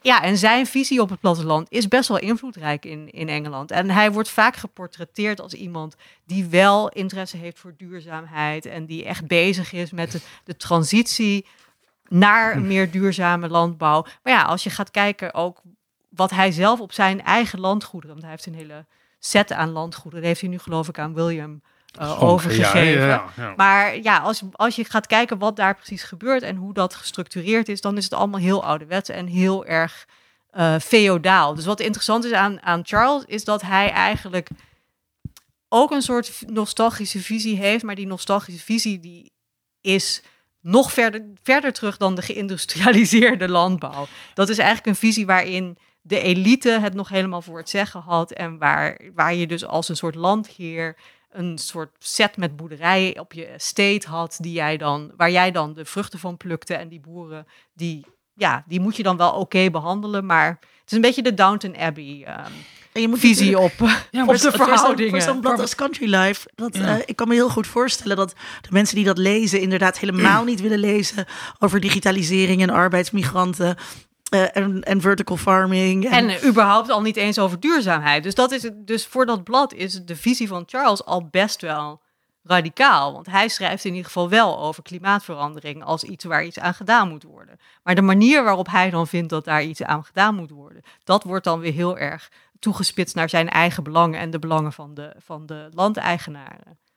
Want het is op zich wonderlijk dat het Britse Koningshuis heel sterk ook die niet-stedelijke identiteit vieren. Op verschillende manieren in Schotland en inderdaad het werk van Charles. En ze hebben allemaal, we zien ze heel vaak eh, hè, juist met heel- een waxcoat dat is juist heel logisch als, Ja, het, als ja. het dat feodale is. Zeker, Ja. maar, maar waarom in, in, in Nederland Nou, zitten die in mensen Nederland in een gaat onze in koninklijke, Wassenaar? in Eh, on- onze eh, koninklijke familie doet toch ook op everzwijnen jagen? ja, maar ik heb het Op idee een dat het- landgoed? Ja, zeker. Ja, dat wel. Ja, maar minder heb ik het idee dat ze het, het boerenleven uitdragen. Dat, dat ja, maar dat, heeft, ze nog wel- dat wel. heeft te maken, denk ik, met de geschiedenis van de klassenverhoudingen in Nederland. En dat je in Nederland volgens mij nooit zo'n hele sterke boerenstand gehad hebt. Of misschien niet zo lang als in Engeland. Daar heb ik, ik ben geen historicus. Maar volgens mij heeft dat dus te maken met de verschillen in de geschiedenis. Zo'n herenstand. eh, maar er is ja. wel, onze koninklijke familie doet het wel een beetje ook. Ik weet niet of Amalia Ja. zich ermee bezighoudt met het platteland. Maar zij, zij ging toch Als, ook als ik eh, advies jagen. zou moeten geven aan het Nederlands Koninklijk Huis, ik zou dat wat meer versterken. Dat en niet op je polyester speedboot in Griekenland gaan liggen. Maar volgens is- mij is toch ook eh, het paleis in, eh, in Den Haag is een werkpaleis. Ja, het zijn jachtpaleizen Ja. hebben ze ook. Ja, het, het zit wel in de familiegeschiedenis en de, de kroondomeinen eh, natuurlijk. Eh, maar ik, ik heb niet zo heel veel beelden van onze koninklijke familie, van die waxcoats en wat je wel van de Britse familie hebt met, die, met de hondjes, lange wandelingen en de paardrijden en dan niet netjes paardrijden, maar echt het land in. Dat is in Nederland minder sterk dan bij het eh, Britse koningshuis. Ik wil nog even terug toch over... Ons eh, koningshuis is natuurlijk ook jonger. Ja, en. En, en, ja en, en nog heel veel andere dingen die je erover kan zeggen. Ehm, in op, je gaat op zoek naar eh, theoretische concepten die uitgewerkt zijn door eh, bijvoorbeeld Adorno en, eh, en Varga. Ehm, hoe, je je leest die dingen. Hoe maak je eigenlijk de stap vanaf het lezen van deze concepten naar het... De, is, dat een vorm, is dat een vorm van toepassing wat je zoekt? Of is het omdat je het hebt gelezen, ga je ook anders kijken naar die dingen eh, in je corpus. Ik, ik ben benieuwd over hoe kon, theoretische concepten en waarneming hierin elkaar versterken. Ja, ik, ik hoop altijd dat het meer is dan toepassen. Dus ik hoop altijd dat het meer is dan alleen maar, oké, Adorno zegt dit. En dat zien we precies terug ja, hier, precies. Ja. hoe, die, hoe dat werkt. Als illustratie bij de theorie. Ja, in dat plaats het een soort de- voorbeeld wordt. Ehm, dus de hoop is eigenlijk dat je een soort dialoog krijgt waarin je dus ook doordat je een bepaald object hebt, dat je ook de theorie weer anders gaat zien. Of dat je bepaalde gaten in, in de theorieën ziet. En dat je ook ziet wa- waar die theoretici nog niet over nagedacht hebben. Adorno die trouwens, eh, even side note, ehm, in de jaren 50 een mooi pamflet schreef over radicaal rechts, waarin hij ook aankondigt dat de boeren in Europa nog lang een probleem gaan blijven, omdat die boerenkwestie niet opgelost wordt. Ik- ik- Zie daar, Adorno had gelijk. En onze FVD een proefschrift aan het schrijven is, hoe heet hij? Onze tweede man over de Frankfurter Schule als de bron van al het kwaad waar de FVD zich tegen verzet. Dus uiteindelijk Alles komt samen. alles komt uiteindelijk weer Mm. terug eh, eh, daarop. Ehm, ik, ik wil een stapje maken, toch ook over die tegenstelling tussen het platteland en de stad. Want ik, ik, ik las in, ehm, een van, in, in het hoofdstuk de tegenstelling die tot, uh, tussen stad en platteland wordt gemaakt, is ook vergelijkbaar met het, het, het gefeminiseerde leven wat wij in de stad hebben en het oorspronkelijke masculine leven van het platteland. Waar komt dat vandaan? Ja, nou ja, dat, he, dat, he, dat is een soort bepaalde opvatting. Dat het leven op het platteland mannelijker was, omdat je daar de grond controleert en bepaalt wat er groeit. En ja. En, en, en dat, dat is een soort masculine, masculiniteit die, die, want... die je in de stad vaak verliest. Maar dat is natuurlijk ook, dat is natuurlijk ook heel problematisch, want in de stad maken mensen ook dingen. Dus het, is, het zijn allemaal beelden en stereotypen die eigenlijk geen, geen basis in de realiteit hebben, maar die zo vaak herhaald zijn door zoveel mensen in zoveel romans, in zoveel televisieseries, in zoveel films, dat je dat dan dat veel mensen dat dan gaan aannemen, dat daar wel iets in zal zitten. Terwijl het toch altijd ook zo was. Ehm, als ik denk aan, uh, maar dat is bij mij dus ook vooral gebaseerd op uh, hoe het platteland verbeeld wordt. Als ik denk aan het leven op de boerderij, dan, moet, uh, dan is er ook altijd een boerin die ook mee moet werken. Terwijl um, het, het ideaal van de niet werkende vrouw is een, middenklasse en bourgeois ideaal dat met verstedelijking te maken heeft. En um, dus ik, ik vind het heel. Ik, ja, ik verbaas me er gewoon zo over dat het lukt of zo, die mythe in stand houden. Ja, dat is precies de vraag waar wij in ons project ook steeds mee bezig zijn. Van waarom is het zo lastig om daarvan af te stappen? Waarom zijn zoveel mensen daar zo aan, gehecht? En ja, kun je, kun je honderd keer laten zien dat het, echt, dat het echt heel anders is. Maar heb je toch, ja, krijg je toch steeds weer dat het ook weer herbevestigd wordt in populaire cultuur. Opnieuw, steeds opnieuw. En dat is, dat is wat ik zo grappig vind aan Boer zoekt vrouw. Omdat het natuurlijk elke, elke serie van Boer zoekt vrouw doet precies hetzelfde verhaaltje. Dus oké, mensen, mensen, mannen of vrouwen, die schrijven naar een boer of boerin die zij aantrekkelijk vinden. En ze doen dat vaak op basis van geromantiseerde ideeën van het leven op het platteland. Omdat ze zelf in de stad wonen, voor het merendeel. Dan gaan ze naar het platteland en komen ze erachter dat het niet zo is zoals ze verwacht hadden. Als je me nou. Als je me nou, ja, dan krijg je, dan krijg je altijd de aflevering waarin ze dan erachter komen dat het toch best, dat, ja, dat het best wel vies is. En dat het inderdaad heel gemechaniseerd is. En dat het melken van de koe inderdaad niet meer met de hand op een krukje gebeurt, et cetera. En het volgende jaar precies weer hetzelfde. En we blijven ook allemaal kijken. En, die, en die, die mensen blijven schrijven aan die boeren. En dat is toch, dat is toch heel bizar. Ik, ik snap er helemaal niets van. Maar het, het, wat, wat, wat jij ook beschrijft in je artikel, uh, dat je hierover hebt geschreven. Uh, Romance in the Cowshed. Ik vond het een mooie titel. Is, is dat er inderdaad een soort idylle hoog wordt gehouden waar uh, de hele industrie belang bij heeft. Ik geloof dat de industrie ook de presentator daar dik voor betaalt ja. in een ander programma. Dus dat is, ligt nogal oud in die open. Maar ook dat in de romantiek uh, het, het, is niet een liefdesverhaal. Het is eigenlijk ook één lang sollicitatiegesprek, heb ik het idee. Om, want je wordt niet alleen partner van, of vrouw van, moet ik zeggen, in, in 9 van de 10 gevallen. Maar je wordt ook medewerker. Dus je moet niet alleen voldoen als liefdespartner, maar ook als uh, partner van het bedrijf. En, en, en hoe, hoe verklaar je dat dan? Dat dat nog wel als een, een, idyllisch ideaal wordt gezien. Om ergens dan hard te moeten gaan werken met je laarzen aan en...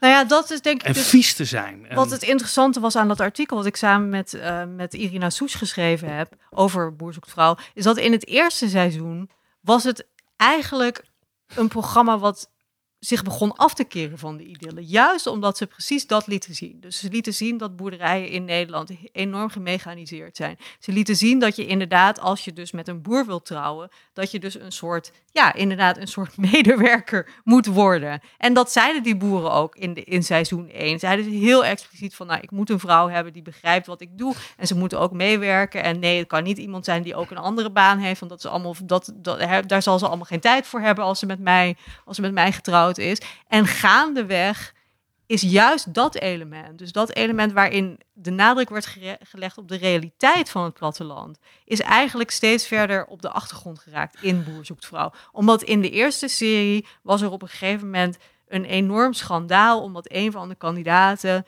die had achter de rug ook van de producenten met een al afgewezen of afgevallen Ja, ja, kandidaat ja, ja, ja. En toen mer- door de kijkcijfers werd dus duidelijk dat het publiek alleen maar eigenlijk geïnteresseerd was in dat verhaal. Dus het verhaal van de romantiek. Wat, of dat nou op een boerderij was of Ja. in een, weet ik, in een B&B. Nu heb je dat programma over, ik weet niet hoe het heet, maar met de B&B-liefde. Dus Bed and breakfast vol liefde. ja, bed and kijk breakfast graag. liefde. Ik heb het nog nooit gezien, maar Hetzelfde Dus- verhaal, maar dan... eh, dus toen Nou ja, bleek- het, ja. het is heel vergelijkbaar in de zin dat het Ja. een andere idylle is. Ja, Eh, maar ja. in principe is het dus precies hetzelfde. Dus op een gegeven moment maakte het gewoon niet meer uit dat boer zoekt vrouw op een boerderij was. Het was Ja. gewoon een soort background van, oh, hier heb je een hooiberg en dan, kunnen, en dan doen ze even nog wat met, met, wat schattige koetjes en dan hier nog even wat met. Maar het eerste seizoen was veel documentaire-achtiger. Toen had je ook een soort segmenten waarin ze gingen uitleggen hoe zo'n bedrijf dan werkte. En het was, het was veel meer ook erop gericht om dus juist dat idyllische beeld een beetje te ondermijnen. Maar daar waren mensen niet, dat, dat was niet waarom mensen keken. ben ik wantrouwend als ik denk dat daar misschien ook de boerenlobby een hand in heeft gehad. Die dan toch, als Yvonne Jaspers nu zo goed betaald wordt, dat die dan toch ook eens met die producenten zijn gaan praten. Nou, ik moest denken aan All You Need Is Love. Want All You Need Is Love begon ook met een programma waarin een beetje horkerige pubers eh, iemand uit gingen vragen en dan hard werden afgewezen. Oh, Dus was dat- dat zo? Dat zit, ja, dat zat heel erg in die, in die, in die harde, eh, ook de eerste serie van eh, Idols. Dat begon ook heel erg met hard afwijzen, afzeiken, eh, mensen voor schut laten eh, Mm. staan. Eh Menno Boeg had ook hele programma's daarover waarin mensen dingen wilden die je misschien niet op televisie wilden doen. En je zag ook bij Need Is Love hebben ze dat helemaal losgelaten op een gegeven moment. En zijn ze helemaal overgegaan tot de mierzoete romantiek en de mooie ronde verhalen die daarover zijn gekomen. En dat is, wat, dat is ook wat ik bij jou beluister Ja, bij dat is, dat is, en daarom Vrouw. is nu Boer zoekt vrouw is alleen maar een bevestiging van die idyllen. Ja. Maar het eerste serie was, in, was interessant, juist omdat het wel eh, liet zien hoe het platteland er nu uitziet. En het was ook een van de eerste. In Nederland zijn niet zo heel erg veel programma's over het platteland. Dat is iets wat ik super interessant vind. In, in Engeland heb je echt superveel. Als je, als je BBC kijkt één dag, dan kun je Ja. echt 50 programma's over het platteland zien. Terwijl in Nederland, zelfs nu moet je nog best wel nadenken als je denkt van, nou ja, Boer zoekt vrouw, onze boerderij.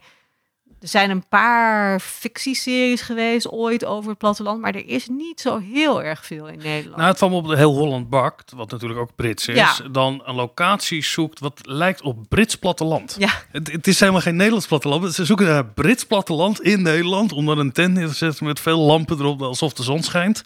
Maar Engeland heeft ook een ander soort platteland. Het lijkt wel Ja. eh, decoratiever als platteland te, te kunnen fungeren. Ook ehm, eh, eh, wat we in Nederland noemen eh, tussen kunst en kitsch, maar dan de Antique Roadshow heet het geloof ik in, op de BBC. Dat zie je ook heel vaak op platteland. Dat ze dat Ja. doen in landhuizen. wat in van die ook. Landhuizen inderdaad. Ja, en dat- dat hebben wij in Nederland ook minder. D- dat soort plekken. Dus daar zit ook wel een tegenstelling. Ehm, ik zat te denken over die tegenstelling waar we steeds op stad en platteland. Dat, dat als je er één ding uitlicht over die mannelijkheid of vrouwelijkheid, dan lijkt het in mijn beleving minder goed te functioneren. Tegenstelling, maar wel als je ze allemaal naast elkaar zet. Dus die, die, die, die, die eenvoudige man die misschien het dichtst bij, eh, eh, bij, letterlijk bij de grond staat, die misschien niet heel erg gearticuleerd is, niet verbaal is daarin, dicht bij zijn emoties staat, maar toch een beetje inhoud. Eh, dat is het beeld van die, die authentieke boer die voor zichzelf opkomt. En je hebt ook geschreven over de vergelijking die je maakt met, met klimaatactivisten. En die dan als minder authentiek worden ervaren. Want, en daar had je een argument bij, omdat ze het niet doen voor hun eigen belang. Dat maakt hen minder authentiek. ja, want authentiek heeft dus, heeft dus heel erg te maken met trouw zijn aan jezelf. Aan een soort innerlijk, of tenminste de opvatting van authenticiteit die wij nu over het algemeen hebben, is dat je een soort innerlijke essentieel ik hebt. En je bent authentiek als je, daar, als je daarmee in het reinen bent en je doet wat je authentieke ik wil. Dus het is ook een beetje anti. Zo, het is een beetje antisociaal ook, want je moet eigenlijk, je moet eigenlijk in, je, in je diepste ik gaan zoeken wat jij authentiek wil en dan doen wat dat is, ook als het te ingaat Ja. tegen de sociale normen. Ongepolijst. Ja, en het is dus niet, het gaat niet om altruïsme, authenticiteit. authenticiteit. Het gaat erom dat je je eigen, je eigen belangen eigenlijk zwaar laat wegen. En dus worden klimaatactivisten, dat is heel contra.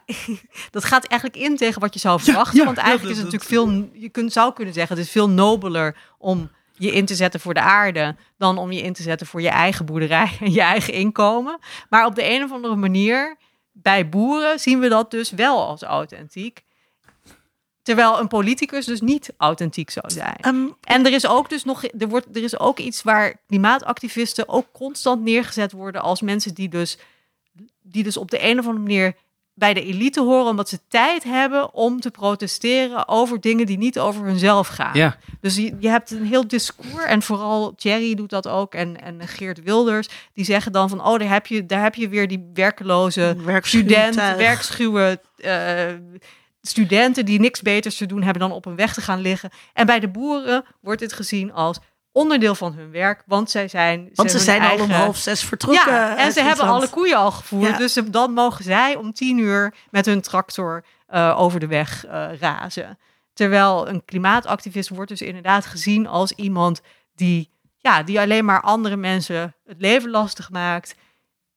En ja, dat, dat idee dat zij het doen voor iets anders, wat ook natuurlijk een authentiek in jezelf iets kan zijn. Altruïsme kan natuurlijk ook een authentiek gevoel zijn in jezelf. Mag- maar daar, dat, dat, dat, is- Ja, dat Mag ik- kopen we niet. Ik, ik moet heel erg denken van.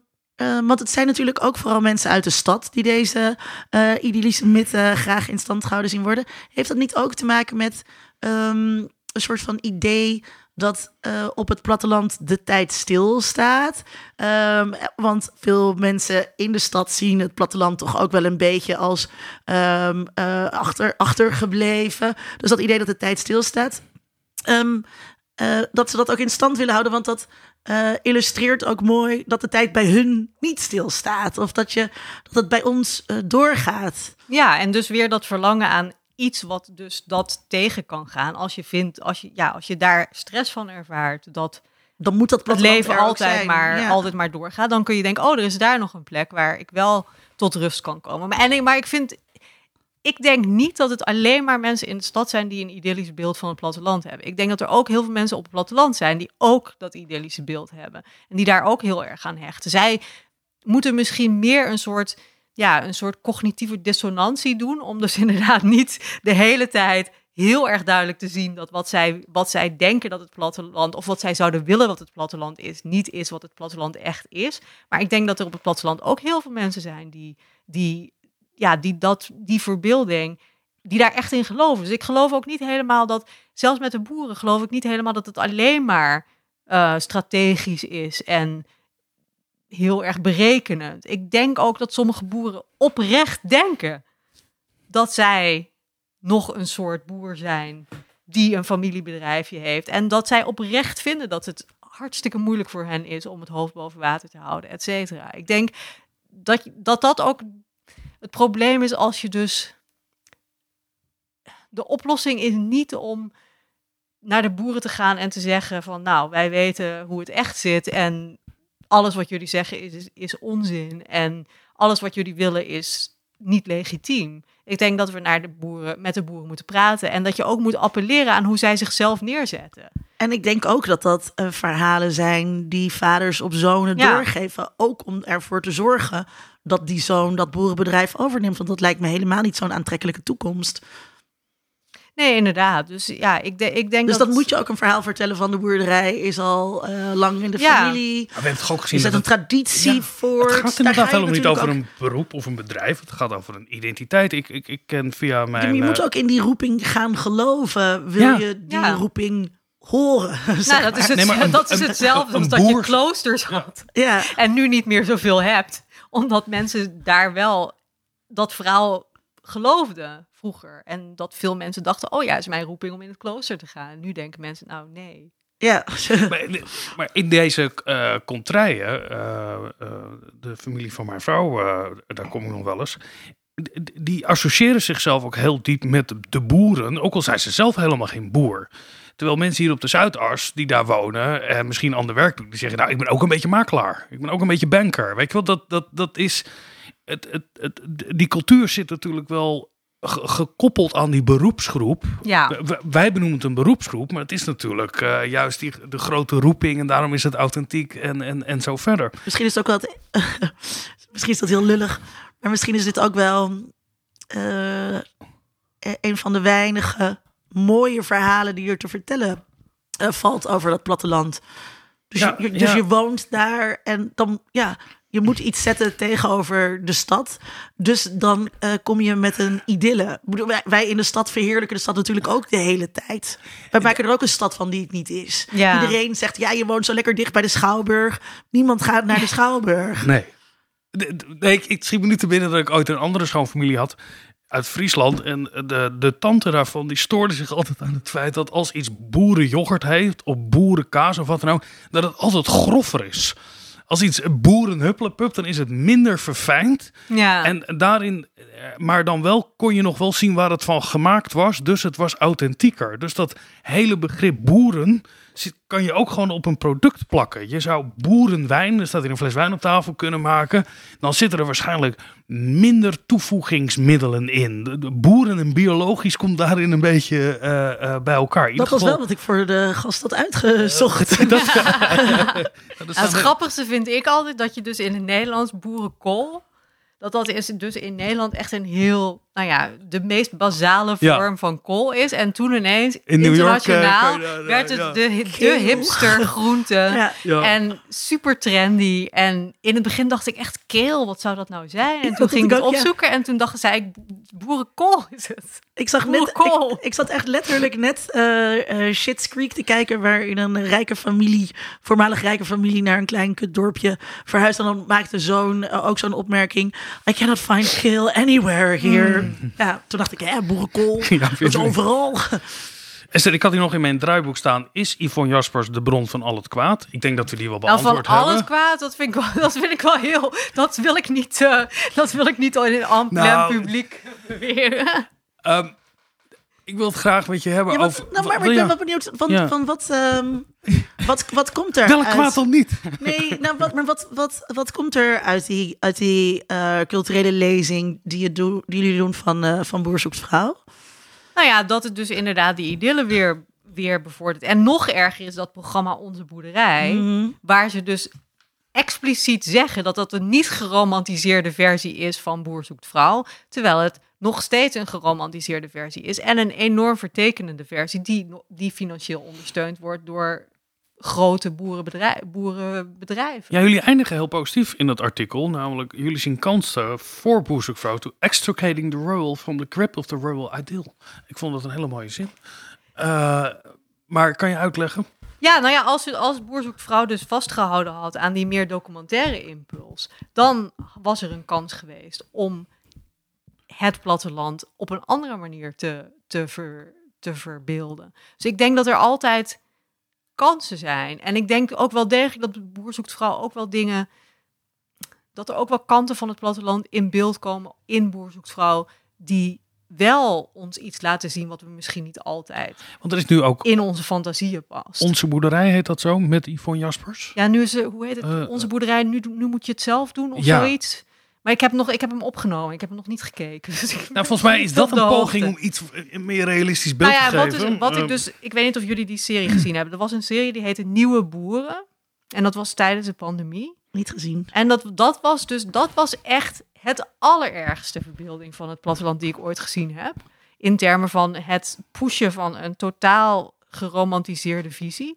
Dus dat waren mensen die dan op een boerderij gingen werken en het was volstrekt ahistorisch. Dus zij moesten met de hand een schaap gaan knippen met zo'n met zo'n verroeste Hmm. schaar. Ze moesten een, een land ploegen met, zo'n met een paard en zo'n ouderwetse ploeg. Ze moesten zelf Oh eh, wol spinnen, ze moesten zelf hun brood maken, et cetera. Maar waren Maar er was niet ook niet- stedelijke jongeren of zoiets? Of is dat weer een ander programma? Dat, dat ken ik niet. Nou, dit was, dit was dus nieuwe boeren. Dus Nou. ik dacht eerst nieuwe boeren. Oh, misschien komt er eindelijk een Ja. programma wat gaat over boeren nu, boeren in de toekomst, boeren op een meer duurzame manier. Maar het was dus een soort verbeelding van boeren als totaal in de tijd stilstaand.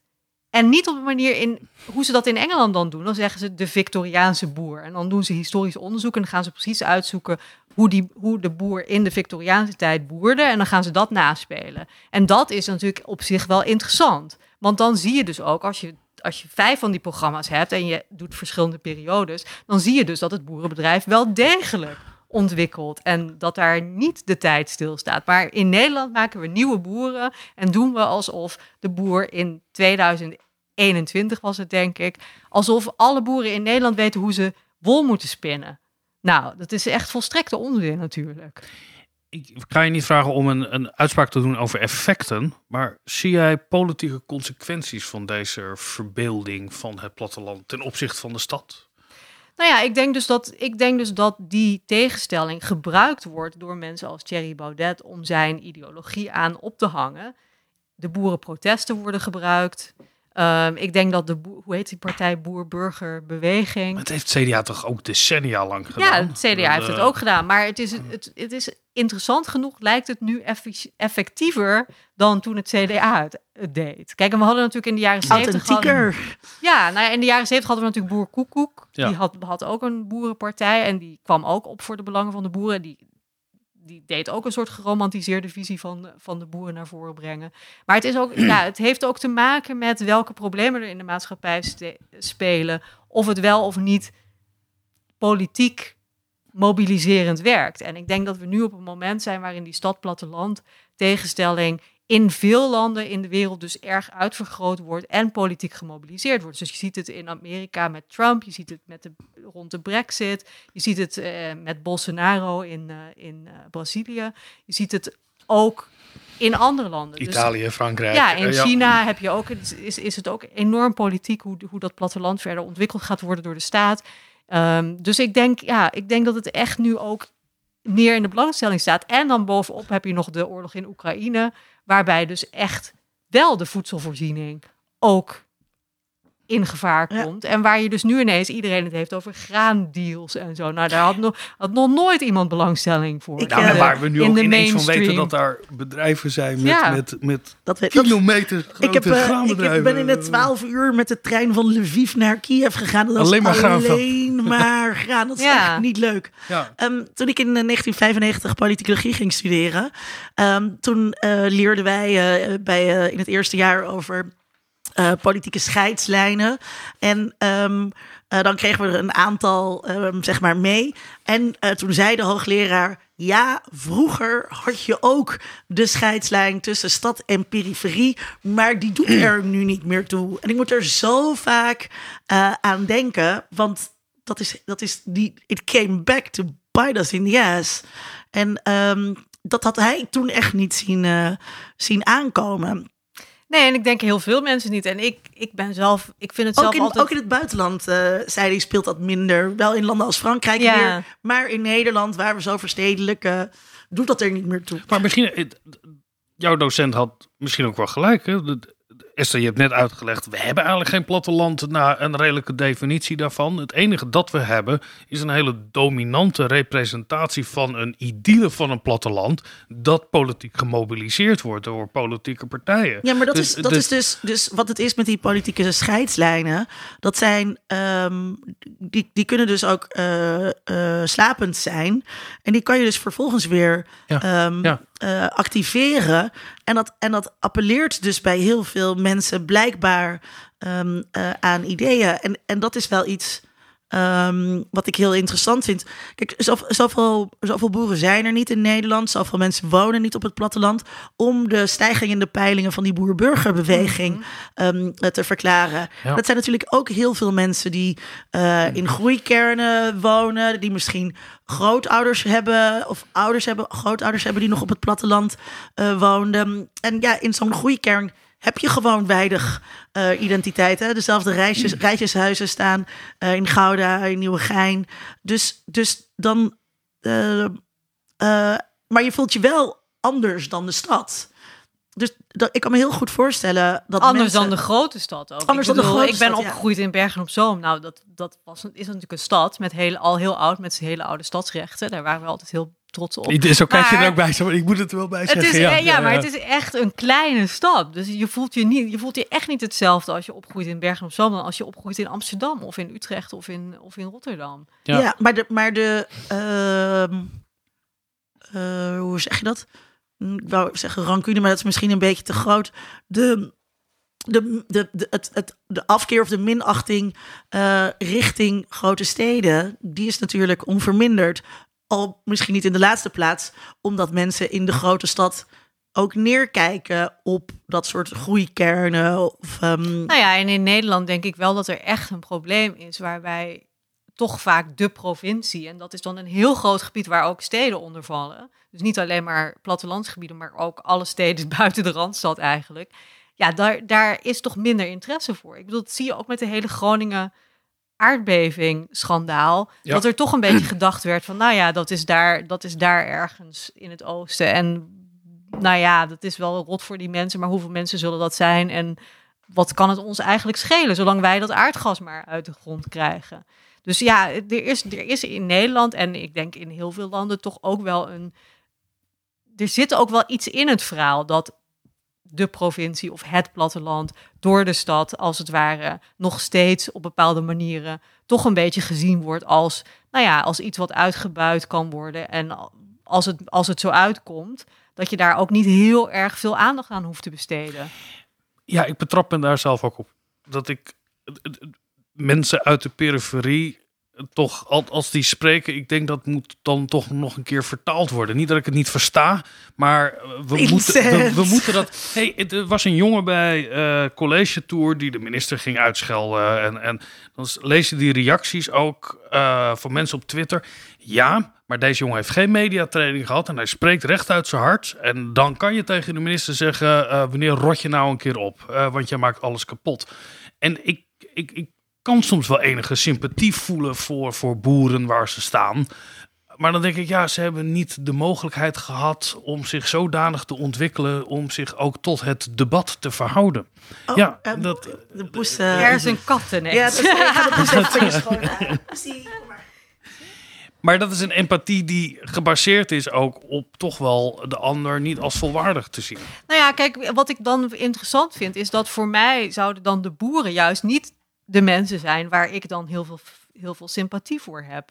Zeker niet de boeren die aan het protesteren zijn, want dat zijn dus vaak de boeren die grote bedrijven hebben en best wel veel geld verdienen en echt, nou ja, eigenlijk helemaal geglobaliseerd zijn en in dezelfde cirkels van de neoliberale economie um, functioneren als de mensen uit de stad, als de mensen op de Zuidas. Dus waar ik sympathie mee zou hebben, zijn mensen die klagen over het feit dat er dus steeds meer ziekenhuizen dichtgaan op het platteland. Ja. Dat, er, dat er geen busverbindingen meer zijn naar uh, dorpjes. Dat ben ik niet dat, eens hoor. Dat zijn de mensen waar ik, waar ik sympathie voor zou hebben dan. En waar ik denk dat we meer moet, naar moeten luisteren. Want het is ook, ja, zoals jij eerder ook al zei, er gebeurt op het platteland veel meer dan alleen landbouw. En wij hebben toch nog steeds een neiging om een beetje te denken: platteland is landbouw. Toen je zei aan het begin van platteland is eigenlijk alleen maar negatief. Ik denk dat het enige wat platteland wel echt altijd positief is, is platteland is landbouw.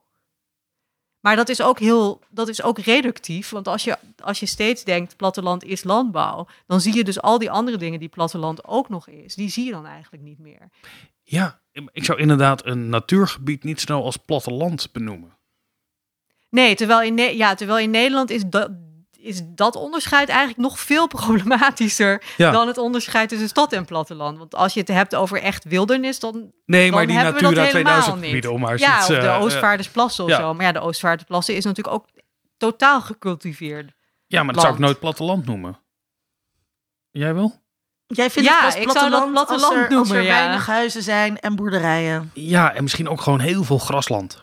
Eh, met, met een greppel eromheen. Ja, dat is wel mijn beeld daarbij, ja. En knotwilgen En, en knotwilgen. langs de ehm, dijk. Ja, en een omgekeerde vlag ergens eh, langs de, ja, dat is alleen maar dit Dat- sinds dit dat is- jaar. dat is heel, dat, eh, is, dat is actueel platteland. Eh, en er zijn er andere soortige verbeeldingen. Je haalde al even boer zoekt vrouw aan van lang geleden. Waardoor we die, die tegenstelling tussen stad en platteland en onecht en echt en vrouwelijk en mannelijk en, en, en zo verder die we hebben benoemd, die dat positief zou kunnen doorbreken. Of k- laat ik de vraag anders formuleren.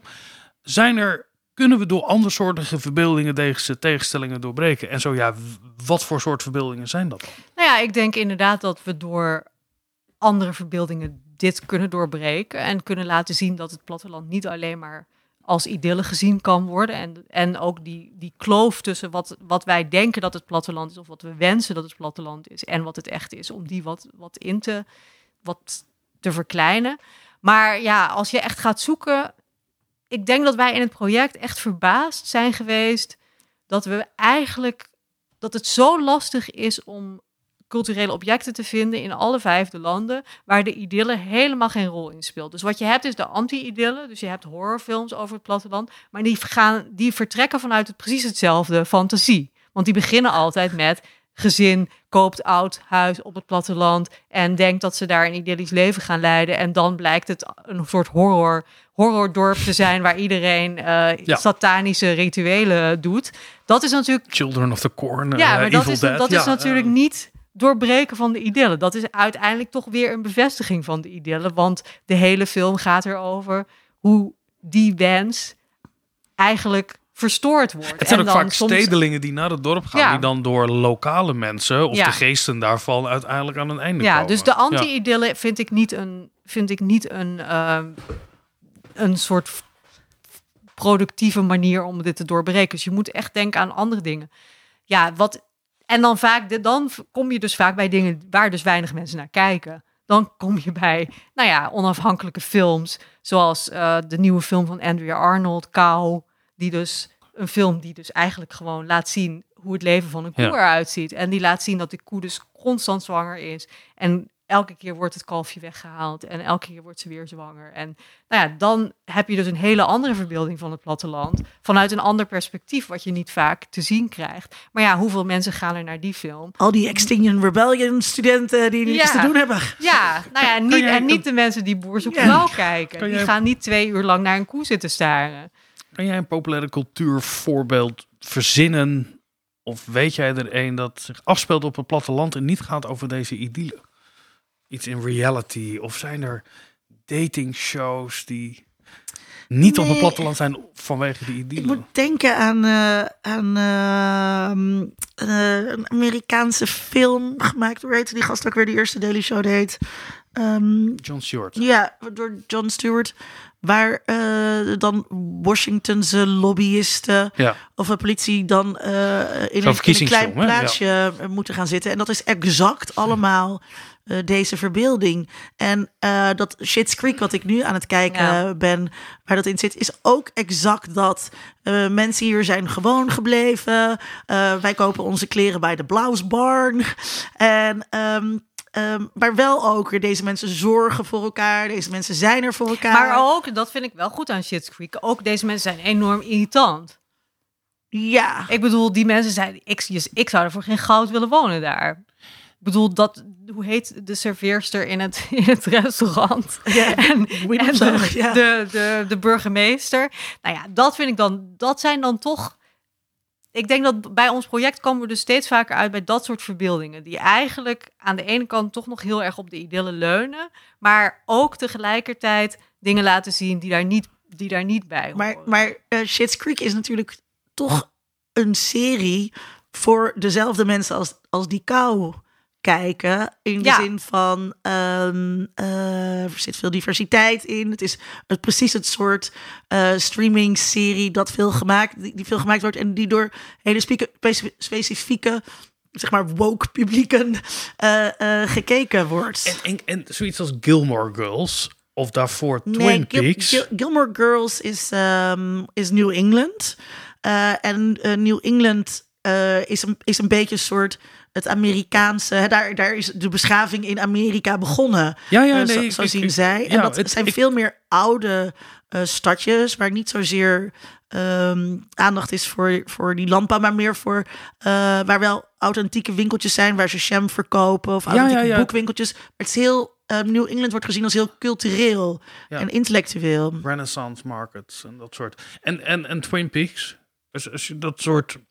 Ja, maar wederom, ja, wie kijkt ook- er naar Twin Peaks? Ja. Dat, is weer, dat, is, dat is dus weer eentje waar als je die gaat analyseren, dan zie je inderdaad dat er, dat er stereotypen opgeroepen worden, die dan ook ondermijnd worden op bepaalde manieren. Maar ja, dat is wel weer een serie waar die een bepaald publiek heeft, wat niet het publiek is van de meest, het, niet het publiek is van Boer zoekt vrouw. Nee, dus maar het gaat ook weer over het duistere woud waar dingen gebeuren. Kijk, en waar in, waar in Amerika dus heel veel mensen naar kijken, is Yellowstone. Ik weet niet of je daarvan gehoord hebt. Maar dat is, dat is dus een serie die gaat over een soort rancher ergens in het, in het eh, westen van, eh, van Amerika. En dat is een enorm, dat is enorm geliefd bij, bij Trump stemmers, omdat het een heel conservatief idee van het platteland laat zien. Het is niet idyllisch, dus dat is interessant. Het is niet idyllisch en bepaalde dingen komen er dus wel in voor die vaak niet in voorkomen. Dus ook de positie van, van Native Americans wordt in die serie gethematiseerd, maar dan wel weer op een manier die uiteindelijk heel erg discriminerend is en bevestigen van vooroordelen.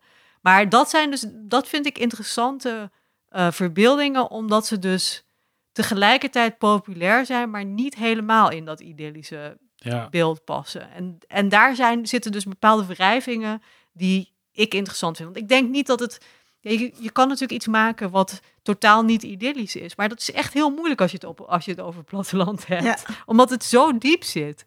En hoe zit het met boeken? Want je zei, je kijkt ook naar boeken. Ja, ook naar, naar literatuur. En daar, ja, daar heb je natuurlijk vaak dat het toch wat genuanceerder is. Dus dat het toch wat minder, zoals bijvoorbeeld Tommy Wieringa, De Heilige Rita, vind ik zelf een hele mooie en hele sterke roman over het platteland. En dat is dus echt een roman die, ehm, die niet, die ook wel weer in bepaalde zin leunt op de idylle, maar daar, zich daar echt tegen afzet. Omdat het gaat over een man die in het platteland woont en eigenlijk de hele dag niks te doen heeft en uh, daar best wel ongelukkig is. Of mijn lieve gunsteling en al het ja. misbruik. Ja, ja ik zit even zitten denken, wat als Houellebecq over het, het, het platteland schrijft, is het altijd een, een soort vluchtoord. Het is altijd iets ja, dat waar je, je dus ook in heel en vaak, uit gaat. ja. Waar je nooit niet blijft of wortelt. Of je bent het niet in ieder geval. Je bent altijd een vreemdeling daar. Dat, dat, dat, dat zie je ook in de Nederlandse literatuur. Ja, en er is ook heel veel literatuur en ook heel veel films die gaan over bijvoorbeeld tieners die op het platteland wonen en die daar verschrikkelijk saai en, en, en Ja. ehm, nou ja, die dus daar helemaal niet zich thuis voelen en die zo snel mogelijk naar de stad willen. Dat is natuurlijk ook een soort cliché verhaal van het platteland, wat ook steeds herhaald wordt. Nou, en zo zijn we weer terug bij Botten. Ehm, Esther, aan het einde van eh, deze aflevering eh, beantwoorden wij altijd de vraag. En die ga ik eerst aan Linda stellen. Dan mag jij erover nadenken. En heb je gelijk het laatste woord. Dat is toch ook wel fijn, hè? Linda, hoe wordt het boerenleven verbeeld? En wat zijn de politieke consequenties daarvan? Eh, nou ja, ik denk dat Esther dat, dat heel mooi heeft uitgelegd. Dus het is een beetje Als je niet alle gras voor de voeten wegmaait. van een voor, mooie... mij, voor mij om dat dan, om dat dan te gaan, halen, gaan, gaan herhalen. Ehm, dus, waar ik, waar, dus ik wil iets anders zeggen. Waar ik vooral eh, op aansla, is toch die, die, eh, die andere verbeeldingen. Omdat ehm, ik heb helemaal nul sympathie voor dit, voor dit boerenprotest.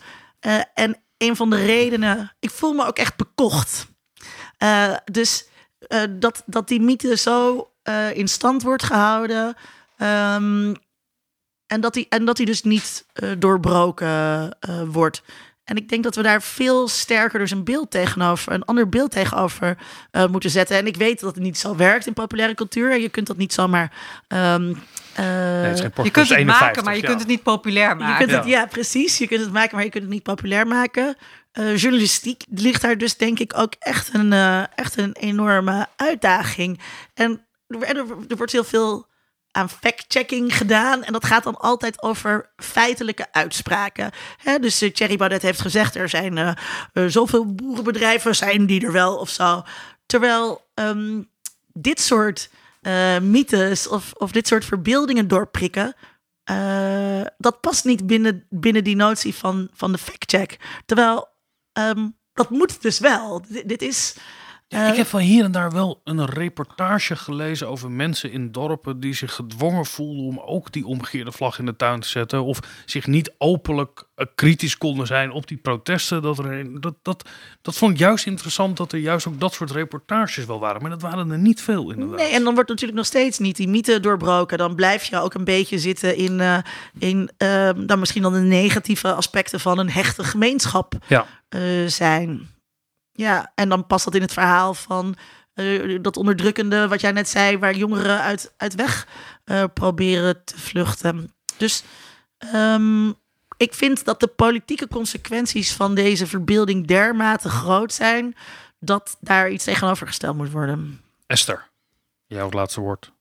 Ja, ik denk dat het platteland op een zeer eenzijdige manier, op een verrassend eenzijdige manier verbeeld wordt. En dus niet alleen in Nederland, maar ook in andere landen. Dat verbaasde ons echt dat die idyllische verbeelding ook in China wel in een net iets andere vorm, maar wel echt op dat, op dat romantiserende, op die romantiserende manier, ook in Zuid-Afrika, dat die dus zo wijd verspreid is. En we moeten denk ik inderdaad proberen om nieuwe verbeeldingen te stimuleren of daar aandacht aan te geven. Dus bijvoorbeeld ik, die rap- rapportage in NRC over, over die kunstenaar die die varkensboerderij had gefotografeerd, vond ik zelf ook heel.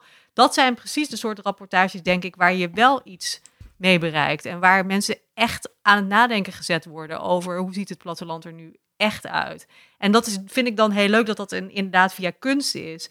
En niet via een fact-check of een, of een journalistiek eh, verhaal. Dus ik denk dat, nou ja, dat kunstenaars en geesteswetenschappers, dat wij eigenlijk die fact-check op mythes en eh, een soort wensdromen die in de maatschappij veel politieke, uiteindelijk politieke macht hebben, dat wij dat als geesteswetenschappers, dat wij daar eigenlijk aan moeten wer blijven werken om die door te prikken. En heel veel mensen zeggen vaak tegen mij van, ja, maar is dat nou niet al heel vaak gedaan? Maar die verbeeldingen blijven komen. Dus ik denk dat we ze ook moeten blijven doorprikken. Nou heb jij ehm, volgens mij best wat media-aandacht voor dit project gehad eh, tijdens, het, eh, tijdens eh, de- deze protesten.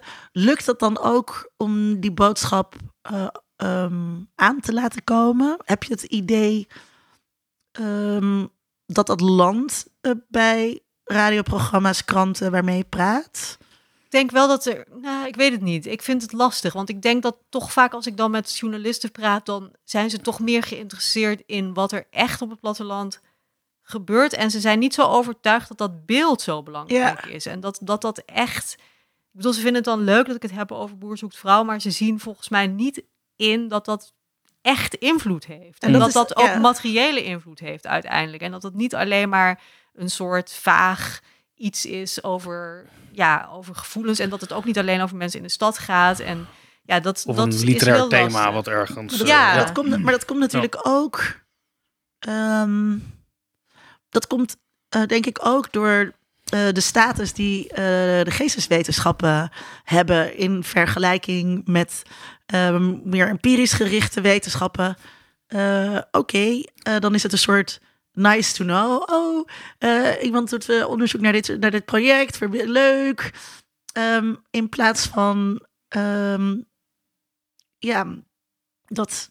Nou, ja, maar ja, daarom sorry. denk ik dat interdisciplinair onderzoek zo belangrijk is. Dus ik denk dat ik inderdaad als geesteswetenschapper is het heel lastig om mensen te overtuigen dat dit belangrijk is. Maar als je dus samenwerkt, ik werk nu best wel vaak ook samen met geografen en sociologen, die zijn wel heel, heel erg hierin geïnteresseerd. En de combinatie tussen hun werk, dus zij gaan echt naar, zij weten echt wat er op de grond gebeurt in het platteland. Zij doen empirisch onderzoek. En dat combineren met mijn onderzoek naar de verbeelding. Die dat is volgens mij heel, ja, heel efficiënt. En het grappige is ook dat een van de andere redenen waarom ik met dit project begon, was dat urban studies was al een enorme interdiscipline. Ik bedoel, daar waren echt mensen uit alle wetenschapsgebieden waren daarbij betrokken. Maar rural studies is echt een soort mini-gebiedje binnen de geografie en een beetje de, nou ja, een beetje het aantal sociale wetenschappen, maar niet ver daarbuiten. En ik denk dus echt dat we ook rural studies, plattelandstudies, dat dat ook gewoon heel erg interdisciplinair moet worden. Zodat je samenwerkt met natuurwetenschappers, met sociale wetenschappers, met geesteswetenschappers, met economen, met mensen in, in, de, in de rechten. Ik weet niet hoe dat heet in het Nederlands. Eh, de, dat je dus allemaal gaat kijken naar het platteland vanuit je eigen perspectief. En dat je dan elkaar aanvult op een manier waardoor je dus uiteindelijk een heel overtuigend verhaal kunt, krij- kunt krijgen. Waarom het voor de werkelijke status van het platteland belangrijk is om dus ook te kijken naar Ja. verbeeldingen van het platteland. Ik, moet, eh, ik, ik ben, ehm, ik, ik geef ehm, een eh, workshop ehm, wetenschapscommunicatie nu ook in Wageningen. eh, wat voor mij een soort eye-opener is. En ik bedenk me dat in één keer dat daar, dat hele beeld ook van Wageningen, de landbouwuniversiteit, is dus juist eentje van super high-tech. Dat als het daarover gaat in het nieuws, dan eh, zijn wij altijd in Nederland cutting edge op het gebied van eh, ontwikkeling. Ja. En ehm, die twee dingen, ehm, hè, dus aan de ene kant dat, dat, dat idyllische boerenbedrijf en tegelijkertijd Nederland als voorloper in, eh, in dit soort innovaties, bestaat ook een soort van helemaal naast elkaar en los van elkaar. Ja, maar ook op een rare manier met elkaar verweven. Ik had een keer een gesprek met iemand van LTO. Dat is de Boerenbelangenorganisatie. En die, die doen dus gewoon allebei die verhalen verspreiden. Want dat is, dat is voor, het is voor hun gewoon een soort keuze van in deze context is dat, is dat verhaal het sterke verhaal van de, van de innovatie en de Nederlandse boer als voorloper, et cetera. En, en high-tech. Maar ook dat idyllische verhaal nog. Ja, Want ik als vond dat- fascinerend als dat hoe- GroenLinks op een gegeven moment zich dan ging zeggen... ze dat. geen technologische innovatiespeer. Dat, dat ging Jesse Klaver zeggen. Want dat, dat, dat is, heeft altijd geleid tot uitstel en uitstel. Dat werkt niet uiteindelijk. Maar dat vanuit de boerenpartijen werd gezegd... geef ons de ruimte ons verder technologisch te innoveren. Gaan we het een andere keer over hebben. Luister niet, niet, niet, niet op stop drukken. Want eh, dit was aflevering 166 van de podcast onder media. nu op stop. Ja, Toch? eh, Ja. Nee, niet. Maar dan weet je als Luister luisteraar... Ja. Als luisteraar, dan eh, weet je dan niet dat je naar aflevering 7 kan luisteren. Dat is alweer een tijdje geleden. Die ging over nostalgie. Of aflevering 34, die ging over de nieuwswaarde van dieren. Nou, daar hebben we het toch ook een beetje over gehad. Aflevering 45 over complottheorieën.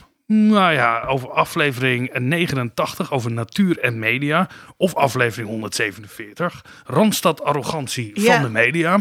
Voordat je afsluit, Vincent. Aflevering 157, het einde van de mens. Kijk, Maar vertel. nou ja, ik wil nog wel een vraag aan jou stellen. Ja. Ehm, mag Sam van jou, jouw dochter Sam, mag Ja. zij van jou eh, dit soort boekjes nog wel lezen?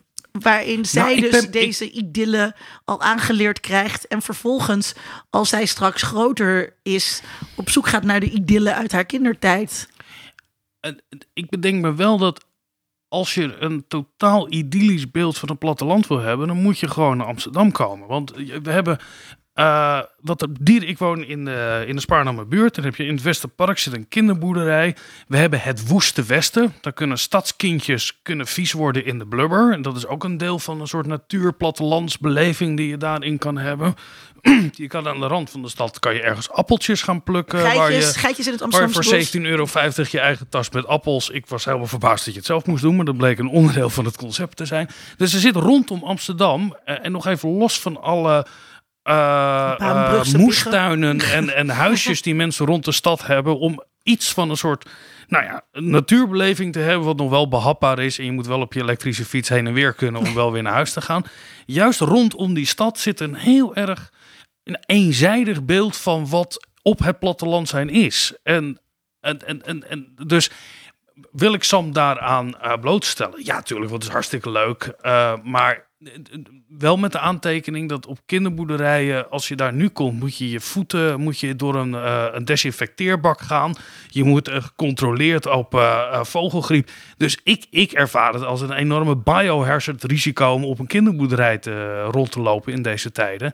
Dus ja, er zit een soort dubbelheid in. Het is toch wel Ja. interessant, want ik meen me te herinneren dat in de aflevering over de laatste aflevering die we maakten over dieren, dat Sam toen eh, nog wat jonger was, Ja, dat je hier heel erg tegen was. tegen dieren. Nee, tegen dierenpropaganda Ja, die ja, ja. je uitgestort wordt omdat ze allemaal dierenknuffels krijgt en kleertjes met dieren. Ja, maar dat ging over de liefde voor dieren. En niet specifiek boerderijdieren. Ja.